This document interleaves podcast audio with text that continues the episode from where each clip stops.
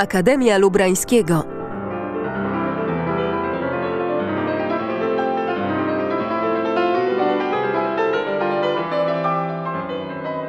Zaprasza Szymon Bojdo.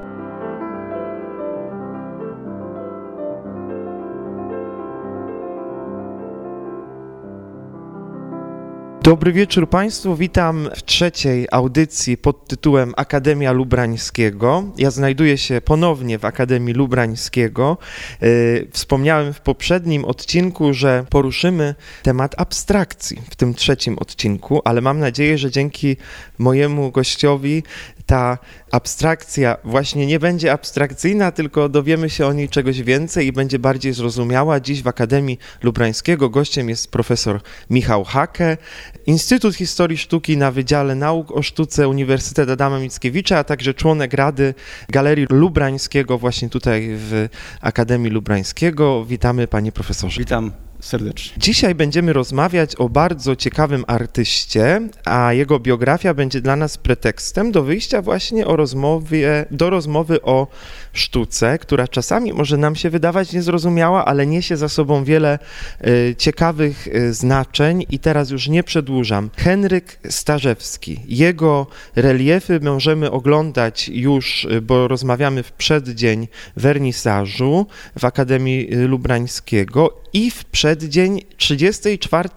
rocznicy śmierci tego artysty. No to co, czy to jest taki artysta z innej epoki? Chyba nie, bo jeśli przypomnimy sobie, e, że Starzewski żył ponad 90 lat, urodził się e, w 1890 czwartym roku, y, no więc 3 lata 80. to jest inna epoka. Dla jednych tak, dla mnie na przykład nie, prawda? Więc dla sztuki to też nie jest jakaś y, inna, inna epoka. To są y, ciągle propozycje, które warto brać pod uwagę, zastanawiając się, w jakim kierunku sztuka zmierza, do czego może nawiązywać. Bo mówiąc krótko, Starzewski to jedna z najważniejszych postaci polskiej awangardy. Zresztą nie tylko polskiej, o tym chyba trochę powiemy. No a ta idea sztuki awangardowej jest ciągle ideą mm, nośną, prawda? Ja myślę, że, że nie ma artystów, a może niewielu, w każdym razie takich, którzy by się odżegnywali od idei awangardy. No, ta, ta, ta fascynacja jakimś odkryciem w zakresie sztuk, jest czymś, co, co jest motorem twórczym dla artystów wielu pokoleń. I tak było też ze e, Starzewskim. Ta jego awangardowość wiąże się z jego aktywnością w ramach nurtu określanego jako konstruktywizm. Więc nurtu, który w znacznej mierze korzystał z języka abstrakcji, ale też nurtu, dla którego y, sam ten język nie był celem ostatecznym, był jedynie środkiem do y, realizowania pewnych, pewnych kwestii. Więc mówiąc o Starzewskim, y, powinniśmy pamiętać o nim jako przedstawicielu awangardy, konstruktywizmu, abstrakcji, abstrakcji także.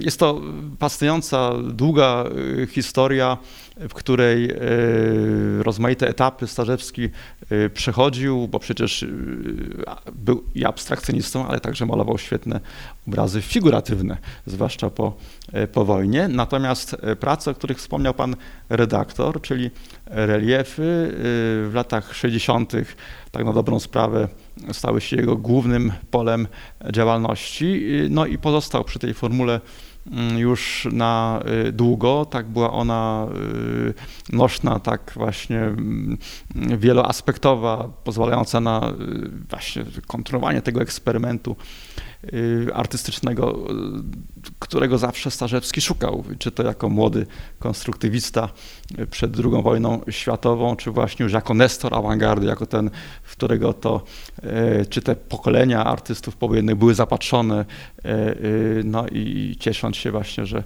że jeszcze no, ktoś tak wybitny z nimi jest, bo przypomnijmy, że y, ta grupa y, artystów związanych z awangardą konstruktywistyczną, bo dodajmy tych awangard było wiele, ale mówimy tu o awangardzie konstruktywistycznej. Y, był cały szereg i, i, można powiedzieć, że u początku Starzewski nie był tym pierwszoplanowym artystą, choć, choć na takiego szybko, y, czy na jednego z pierwszoplanowych szybko wyrósł, ale to przecież są takie nazwiska jego ówczesnych mentorów, jak Władysław Strzemiński, jak Katarzyna Kobro, jak takie artystki jak Maria Nicz-Borowiakowa, Maria Puciatyńska, Teresa Żarnowe-Równa, czy także Mieczysław, Mieczysław Szczuka.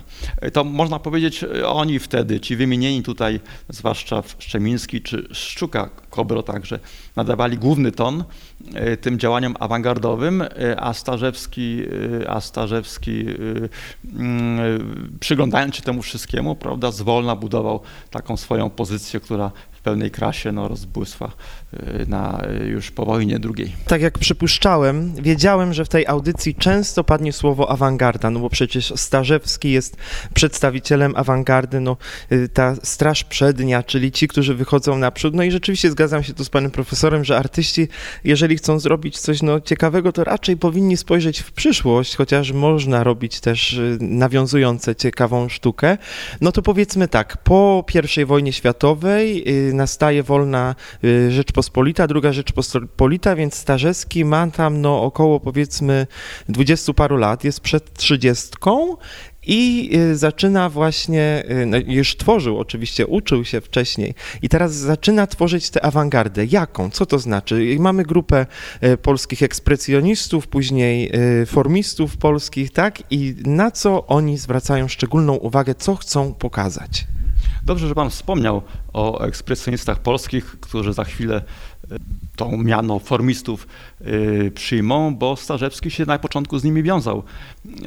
Y, ukończył Akademię Warszawską, zresztą w klasie malarstwa u profesora Stanisława Lęca, więc do tego grona malarzy było mu szczególnie blisko, ale właśnie już tego grona poszukującego, tego grona awangardowego, tego grona zapatrzonego w kubizm, w, w, przede wszystkim w, to, w, tą francuską wersję awangardy, czy takiego modernizmu, jak moglibyśmy też powiedzieć. No ale dość szybko, bo już e, na początku lat dwudziestych związał się właśnie z konstruktywistami, a więc z nurtem, który e, no, miał inne cele niż kubizm. Co więcej, uważał, że kubizm się przeżył, że, że kubizm trzeba przekroczyć, mówiąc krótko, e, odrzucić.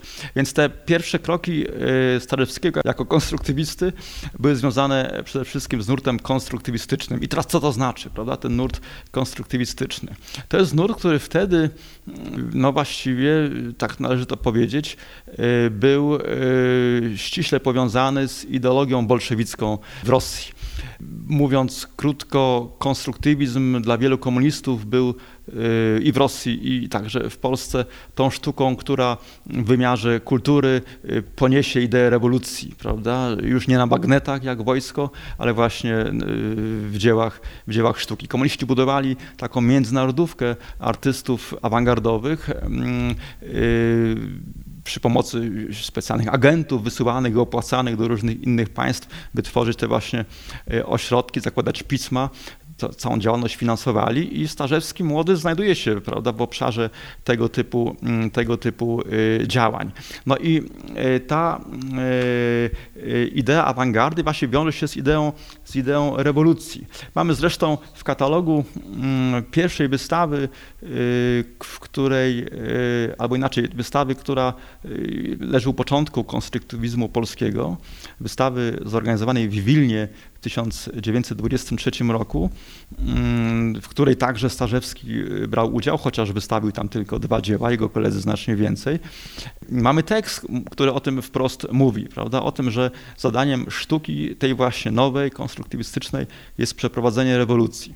I teraz co to wtedy znaczyło? To była taka idea, która, y, która y, właśnie wskazywała na to, że sztuka nowoczesna, ta nowa sztuka już osiągnęła odpowiedni poziom, prawda, nazwijmy to rewolucyjny, a społeczeństwo jeszcze nie. I teraz trzeba za pomocą tej sztuki, mm, że tak powiem, to społeczeństwo przekształcić i wywindować, tak mówiąc kolokwialnie, na nowy poziom, jakby w tej, w tej, w tej logice postępu, postępu dziejowego. Przepraszam, jak oni, sobie, jak oni sobie to wyobrażali, że ktoś przyjdzie zobaczyć dzieło na wystawie albo gdzieś je zobaczy i to poruszy tak do tego stopnia tego człowieka, że będzie chciał wziąć udział w rewolucji, zrzucić y, ciemię i zostać wolnym człowiekiem? To byłoby naiwne, a to jest niezwykle czujne pytanie, które pan zadał. Ja przeczytam fragmencik, który się do tego dokładnie odnosi, bo zrozumiemy, mm, o jaką sztukę wtedy chodziło. To jest właśnie fragment z tego katalogu, o którym wspomniałem. To jest 900, 1923 mm, rok. I tak, tak pisano w tym katalogu. Po udoskonaleniu fotografii i odlewów mechanicznych, chodzi także o film, niezbędność sama artystów takiego fachu została zakwestionowana tak stanowczo, iż jeszcze wysiłek jeden techniki współczesnej, a życie złoży ich do przyszłego muzeum anachronizmów i dziwotworów artyści, mówiąc krótko, którzy malują portrety, malarstwo jakieś historyczne, sceny batalistyczne, a więc w domyśle jacyś Kosakowie, jakiś Malczewski, prawda? No i inni, którzy, a to już w ogóle, to, to on już na, na, szczęście nie żyje, mówię na szczęście z ich perspektywy, ale są ci wszyscy, którzy jeszcze w podobny sposób myślą o jakichś wielkich ideach, y, a w każdym razie y, naśladują rzeczywistość, przedstawiają jakąś rzeczywistość. To była sztuka przeszłości, ponieważ y, to samo zadanie, a więc przedstawianie rzeczywistości, nowe media, takie jak fotografia i film przecież już e, coraz się prężniej rozwijający, robią po pierwsze lepiej, lepiej odzwierciedlają wyglądy, e, robią po drugie szybciej. No, obraz powstaje, nie wiem, rok, a film czy fotografia, to już możemy sobie dopowiedzieć, a po trzecie taniej da, o wiele taniej. E, mówiąc krótko, dla dawnej sztuki w nowoczesnym społeczeństwie nie ma już miejsca. Więc ta sztuka, która miała e, przekształcać społeczeństwo, dokonywać rewolucji w tym społeczeństwie, była sztuką zupełnie innego typu. To była sztuka, no właśnie, jak gdyby nowych mediów, czy nowych obszarów, które stawały się ważne w społeczeństwie nowoczesnym, a więc e, film, a więc architektura, zwłaszcza architektura, budownictwo, reklama, druki, prawda? Y, więc sztuka, którą y, możemy częściowo przynajmniej zaliczyć do sztuki użytkowej, ale właśnie o to chodziło, prawda? O dzieła, które by e, miały wymiar utylitarny, miałyby właśnie dzięki temu zupełnie nową pozycję w społeczeństwie i właśnie przez tą utylitarność mogłyby oddziaływać na, na społeczeństwo, na zmianę świadomości, na budowanie e, no, no, no, nowego społeczeństwa. Czyli teraz jak idziemy do Galerii Sztuki Współczesnej i mamy instalację z wideo, to już dla ludzi z lat 20. czy 30. to nie było nic nowego, właściwie teraz powtarzają, tak? To co wtedy konstruktywiści. A chciałem zapytać konkretnie, jak wyglądały w takim razie te dzieła, a pytanie jest podchwytliwe, bo y, sztuka została zniszczona w czasie wojny. To oczywiście idee ideami, ale jak spojrzymy na y, te dzieła, które znamy reprodukcji, z reprodukcji, bo tak jak pan redaktor słusznie przypomniał, to jest bardzo ważne, y, te dzieła, te dzieła już nie są nam znane, no to są to obrazy, które jeszcze dość mocno pozostają pod wpływem właśnie kubizmu, takich martwych natur kubistycznych, to często są jeszcze martwe natury, mówiąc y, wprost, tylko że przetwarzane w takim duchu, y, w takim, y, w takim duchu powiedzmy takich nurtów jak albo poetyk jak, jak ta, którą stworzył Piet Modrian, czy inni właśnie tam, twórcy tego, tego czasu. Więc powiem tak, te dzieła, które wtedy y, wystawiano, które robił Starzewski, jeszcze prawda, nie, nie realizowały tego e, ideału, w praktyce przynajmniej, ale w sferze projektowej już były, już były obecne. No bardzo szybko zaczęto właśnie ten nowy rodzaj y, działania artystycznego mm, wdrażać w projektowanie architektoniczne. Prawda? Obok obrazów, takich właśnie konstruktywistycznych, to też można za, za chwilę powiedzieć, co to właściwie miał być obraz konstruktywistyczny. Ale oprócz tego jest masę projektów architektury, no właśnie wzornictwa, y, no, nowoczesnej typografii, fo, fotografii, fotomontażu, prawda? To jest też bardzo ważna e, część działalności tego, e, tego nurtu. Także reklamy prasowej, prawda? To, to wszystko to wszystko jest realizowane. Natomiast, e, co jest może ciekawe w kontekście naszego bohatera, to właśnie zrozumienie, na czym miał polegać obraz konstruktywistyczny. A więc nie reklama, nie fotomontaż, nie, nie film, nie projekt architektoniczny, ale obraz, ponieważ Starzewski ciągle robi obrazy. I o tych obrazach e, powiemy w drugiej części audycji, bo już nam się skończył czas w części pierwszej. Tak zawsze jest w mediach, że jest go zawsze za mało. Dlatego w drugiej części o, obrazie, o obrazie konstruktywistycznym i pójdziemy dalej w nasze abstrakcje. Akademia Lubrańskiego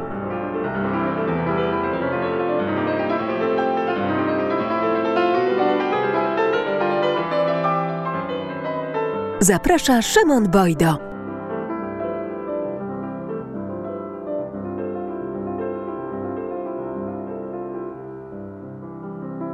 Druga część audycji Akademia Lubrańskiego.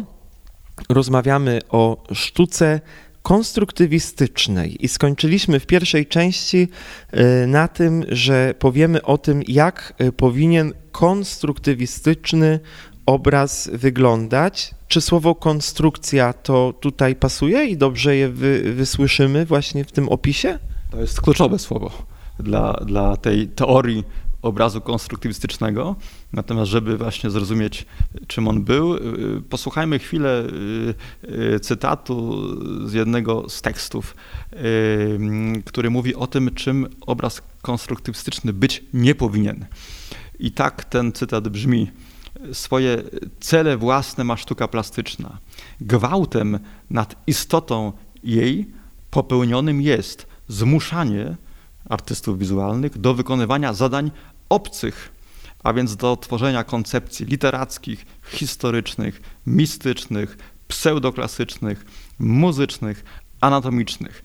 Więc widzimy w tym wyliczeniu, że chodzi o zerwanie z całą tradycją artystyczną. Prawda? Obrazy mają unikać naśladowania, tworzyć jakichś takich właśnie, unikać jakichś mistycznych nastrojów i tak dalej, i tak dalej. Czyli symboli również? Ale oczywiście, ale oczywiście. Symbolizm jest e, czymś, z czym należy czym prędzej, czym prędzej zerwać, prawda? Wspomniany Malczewski to jest artysta całkowicie, całkowicie passe. Przecież y, jeszcze wtedy Malczewski tworzy, przypomnijmy, nasz mistrz symbolizmu umiera w 1927 roku. Co zamiast tego, y, co w zamian, y, zamiast tego wszystkiego, czy ma być ta nowa sztuka i obraz konstruktywistyczny? Ma być konstruowaniem czystej formy. Czystej formy. I co to znaczy czysta forma? Ma być to obraz, który tworzy, tu znowu cytuję, pewien system, w którym wzajemnie ustosunkowują się do siebie elementy czysto plastyczne, a więc formy, linie, barwy, przestrzeń, płaszczyzna. Do tych komponentów ma być ograniczony język mm, obrazowy, no i te właśnie komponenty, forma, linia, barwa, przestrzeń, płaszczyzna mają wchodzić ze sobą no, w jakieś relacje i te relacje to jest właśnie niczym innym jak y, konstruowaniem obrazu, prawda? konstruowaniem y, obrazu. Y, jest jeszcze takich opisów różnych przymiotników, że tak powiem, które się wiążą z opisaniem tego obrazu tutaj sporo, ale o jednej może rzeczy chciałbym powiedzieć. Konstruktywizm e, e, wierzy w postęp, a więc wierzy, że e, stare nurty artystyczne muszą odejść w niepamięć, mm, a więc po kolei wymieniane były impresjonizm, kubizm i także suprematyzm jako propozycja artystyczno-teoretyczna, która już powinna zostać porzucona to ta nazwa suprematyzm y, przypomina nam Kazimierza Malewicza, a więc jednego z ojców awangardy y, rosyjskiej, artystę bardzo silnie zaangażowanego w projekt rewolucyjny, ale właśnie konstruktywizm miał przezwyciężyć y, suprematyzm. Na czym to polegało, to, to przezwyciężenie? Mianowicie, tak ujmując rzecz najprościej, dawni artyści przedstawiali jakieś postacie, dzbanki, konie, drzewa i Malewicz też przedstawiał na obrazie jakieś figury, jakiś kwadrat, jakieś linie, jakiś trójkąt i tak dalej. I zarówno tamte konie, figury wchodziły w jakieś takie relacje optyczne, jak i te kwadraciki, y, linie, kółka Malewicza też tworzyły jakieś relacje o charakterze dynamicznym. Natomiast obraz konstruktywistyczny jak czytamy w takim e, piśmie blok, o którym też może za chwilę jeszcze słowo powiemy, powinien unikać dynamiki. Prawda? Powinien e, osiągnąć etap, w którym tego rodzaju dynamika, z jaką mamy do czynienia w dawnej sztuce i także w suprematyzmie Malewicza e, występowała. Obraz konstruktywistyczny miał być pozbawiony tej dynamiki i to wszystko, mówiąc już w wielkim skrócie, miało prowadzić do tego, że taki obraz konstruktywistyczny upodabniał się do przedmiotu, prawda, do obiektu, który jest pozbawiony jakichś właśnie wewnętrznych e, napięć, prawda, tylko ma być właśnie czymś, co zyskuje wymiar czysto utylitarny. I teraz y, brzmi to właśnie abstrakcyjnie, można powiedzieć, dlaczego, po co, prawda? ale przestanie tak brzmieć, jeśli uświadomimy sobie, że malarstwo to konstruktywistyczne właściwie miało być tylko etapem przejściowym dla urzeczywistnienia sztuki prawdziwej, rewolucyjnej, a więc sztuki prawdziwie utylitarnej, o którą najłatwiej czy należy się troszczyć w obszarze już tu wspomnianym architektura, projektowanie, film, no, nowe media. Malarstwo miało być sztuką przejściową, prawda? Obraz miał być narzędziem jedynie, który prowadzi do tych już pozaobrazowych celów, czyli do tej przemiany sztuki jakby w system nowoczesnej produkcji wizualnej. Tak byśmy mogli to określić. I teraz wracając do naszego bohatera, kto wie, jakby się potoczyły, potoczyły losy y, tego twórcy, mm, gdyby po pierwsze nie wojna i gdyby nie fakt, że y, po wojnie Starzewski zostaje Polsce i tworzy w, w PRL-u, czyli w, za komuny, w której jakakolwiek, y, jakakolwiek nowoczesna produkcja była nie, nie, do pomyślenia, prawda? Albo nawet jeśli o niej myślano, to praktyka przeczyła tym, tym, tym y, celom. Mhm. No właśnie, tutaj się zatrzymam, bo pan profesor stwierdził, przypomniał, że była ta y, międzynarodówka artystyczno-komunistyczna, że tak powiem żartobliwie. No a przecież y, przeciętny odbiorca sztuki, czy ktoś, kto no, tylko pobieżnie, to zwiąże komunizm raczej z socrealizmem, czyli z takim hipernaturalnym przedstawieniem. I to myślę, że Starzewski miał może problem w latach 50. czy 60., żeby z takimi abstrakcjami właśnie gdzieś się pokazywać. Oczywiście. Y, to jest konsekwencja sytuacji, która miała miejsce w Związku Radzieckim w latach 30., y, sytuacji, w której y, ta cała awangarda artystyczna, tak mocno wierząca w rewolucję, nie wszyscy oczywiście, Kandyński tej wiary nie podzielał, ale Malewicz jak najbardziej, czy Rodczenko, zostali, nie wszyscy też, ale, ale ta formuła awangardowa została przez komunistów rosyjskich odrzucona, mówiąc naj, najkrócej, mm, e, no bo potrzebna była sztuka dla mas, prawda, sztuka, która e, będzie tę ideologię komunistyczną prezentować w sposób klarowny, zrozumiały, nie, nie wymagać od widza jakiejś analizy formy, prawda, czy, czy operować w jakichś subtelności wizualnych. I tak się rodzi socrealizm, e, no i w takiej postaci on zostaje po wojnie w Polsce implementowany w 1949 roku. Dochodzi do no, takiej przemocowej powiedzmy zmiany, a w każdym razie do narzucenia tej doktryny socrealistycznej jako y, obowiązującej.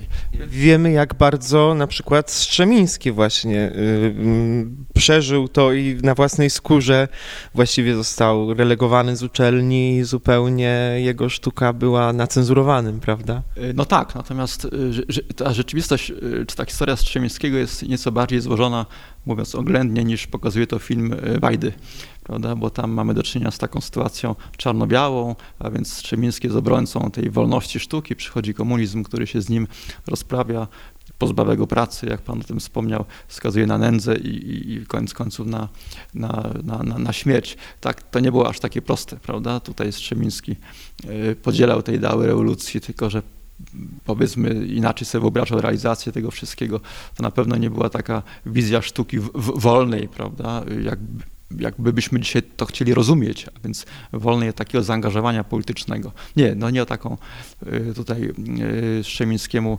działalność chodziło. No ale w każdym razie na pewno, na pewno y, nie spełnił oczekiwań jako socrealista. Jedni próbowali się stać socrealistami, inni, inni starali się trochę trzymać od tego z daleka. Łatwo nie było, no bo za tym szły konkretne apanarze, system prywatny został właściwie ograniczony. Natomiast y, no, powstawały takie ogniska, ale już raczej podwilży, mm, które skupiały tych wszystkich y, starających się tworzyć sztukę niesocjalistyczną. I jednym z takich y, skupisk był klub Krzywego Koła, który prowadził także galerię i z tym środowiskiem wiązał się także Starzewski, więc on, tak powiem, wykorzystywał te okazje, które tworzyły jakiś azyl dla sztuki, yy, no właśnie w tamtym rozumieniu wolnej, a więc tej, która, która nie była jedynie tą wykładnią ideologii komunistycznej. To, że oczywiście to było środowisko inwigilowane także przez komunistów, to już dzisiaj, to już dzisiaj wiemy, ale, ale no, to już raczej jest zależność, która jest no, normą, prawda, inwigilacja tych środowisk twórczych czy niezależnych niż jakimś wyjątkiem. Ale to zostawmy.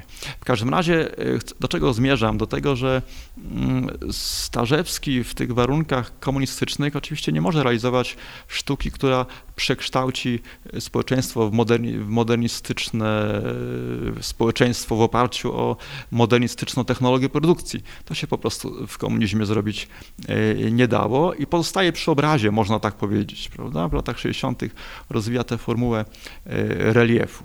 No i też zjawisko bardzo ciekawe pod wieloma względami, ale może bym zaczął od tego, mm, co właściwie mówi nam to pojęcie reliefu. Chciałem do tego nawiązać, bo relief mnie się kojarzy zazwyczaj z jakimś takim elementem budynku yy, ozdobnym, powiedzmy, tak? To jest jakieś płaskorzeźba, jakieś przedstawienie, które możemy zobaczyć na ścianie yy, zewnętrznej yy, budynku.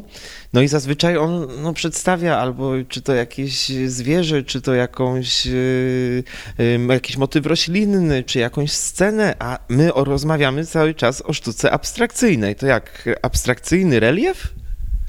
Tutaj akurat nie ma sprzeczności, prawda, bo relief jest raczej techniką niż y, tematem, y, więc y, relief może przedstawiać cokolwiek. Mm, ale reliefy, o których Pan wspomina, najczęściej były figuratywne. Właśnie przedstawiały jakieś postacie, jakieś zwierzęta, jakieś sceny alegoryczne, y, zwłaszcza wtedy, kiedy zdobiły y, budynki, choć, y, choć relief abstrakcyjny ma też swoją długą tradycję. Natomiast to, co jest ciekawe w związku ze, ze Starzewskim, to to, że pojęcie reliefu niejako automatycznie sytuuje te jego prace w obszarze rzeźby. Tak jak Pan o tym wspomniał, y, te wszystkie przykłady, o których Pan redaktor wspomniał, to są przykłady zaliczane do, do rzeźby, yy, która właśnie dzieli się na relief, na rzeźbę y, wolnostojącą, pełnoplastyczną, prawda, i tak dalej. No i to pojęcie, którego używał Starzewski, pojęcie reliefu, niekiedy skłaniało różnych komentatorów do tego, by y, stwierdzić, że wraz z tymi reliefami Starzewski porzucił malarstwo. Oczywiście porzucił to malarstwo, jeśli malarstwo będziemy rozumieć jako obrazy wykonywane farbami farbami.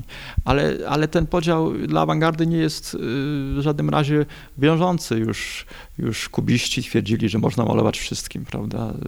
I farbami, i błotem, już nie pamiętam dokładnie, czy, czy tam jakimś popiołem, no czymkolwiek, prawda? To, to, to jest tylko środek. Malarstwo pozostaje malarstwem. Mm, jest cały przecież w latach 50., 60. także nurt w sztuce, który nazywany jest malarstwem materii, ale przecież to są obrazy, które były wykonywane z gipsu, blach, drutów, jakichś gum, y, korków, no wszystkiego tylko nie, nie farb. Oczywiście farby też tam były, ale nie na pierwszym planie i nie wszędzie. Więc y, malarstwo wykonywane bez pomocy farb, farb to jest jakaś norma, prawda? Natomiast jak powiemy relief, no to możemy się zastanawiać, czy to jest jeszcze właśnie ta sfera obrazowania, czy, czy, czy może już rzeźba. I o tym będziemy mówić w trzeciej części naszej audycji, bo czas z drugiej części już się skończył, a więc y, trzecią część rozpoczniemy od tego, czy Starzewski robiąc reliefy był malarzem czy rzeźbiarzem. Trochę już pan profesor o tym powiedział i rozwiniemy ten wątek. Akademia Lubrańskiego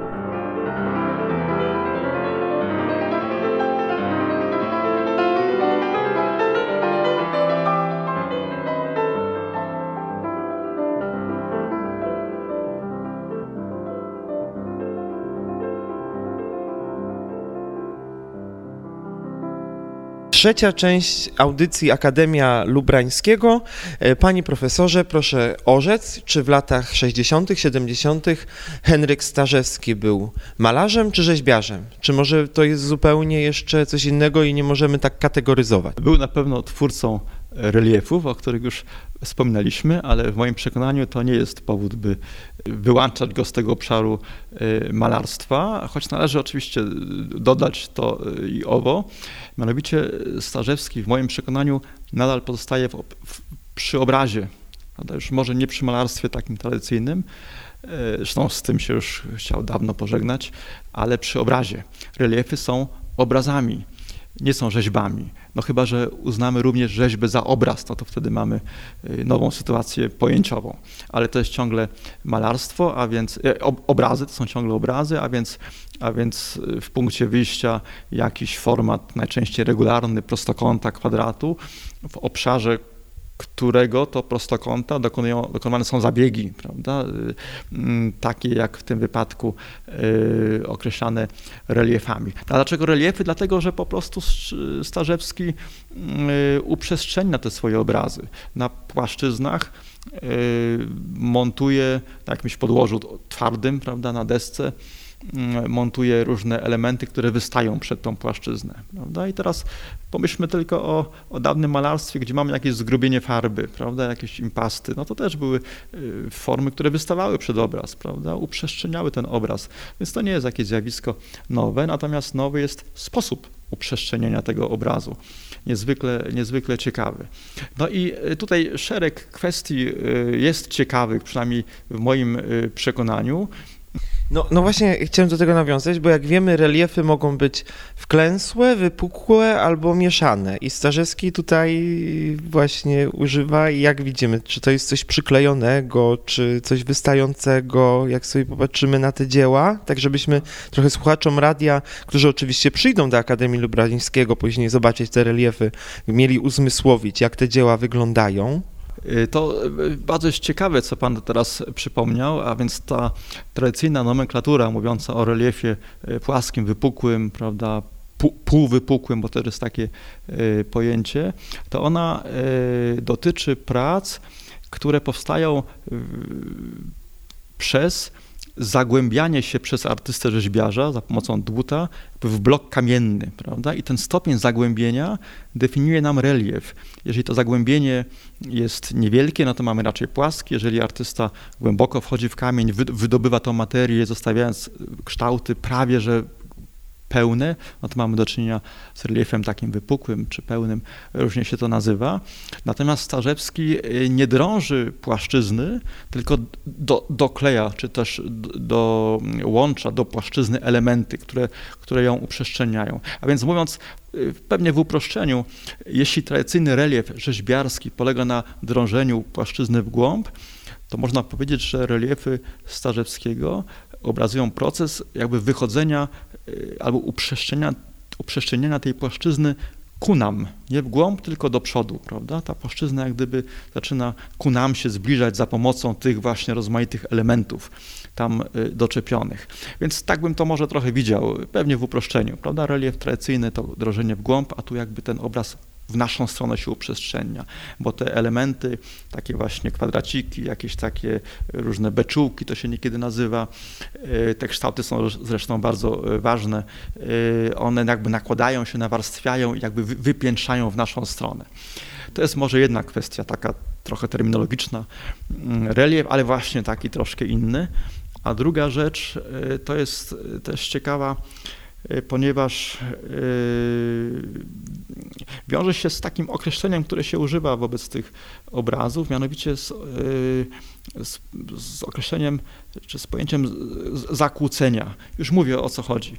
Mówi się, że w punkcie wyjścia Starzewski mm, konstruuje jakiś porządek albo odwołuje się do jakiegoś regularnego układu, który potem za pomocą tych właśnie elementów, które są poprzesuwane czy właśnie poprzemieszczane, Y, zakłóca ten wstępny porządek, prawda?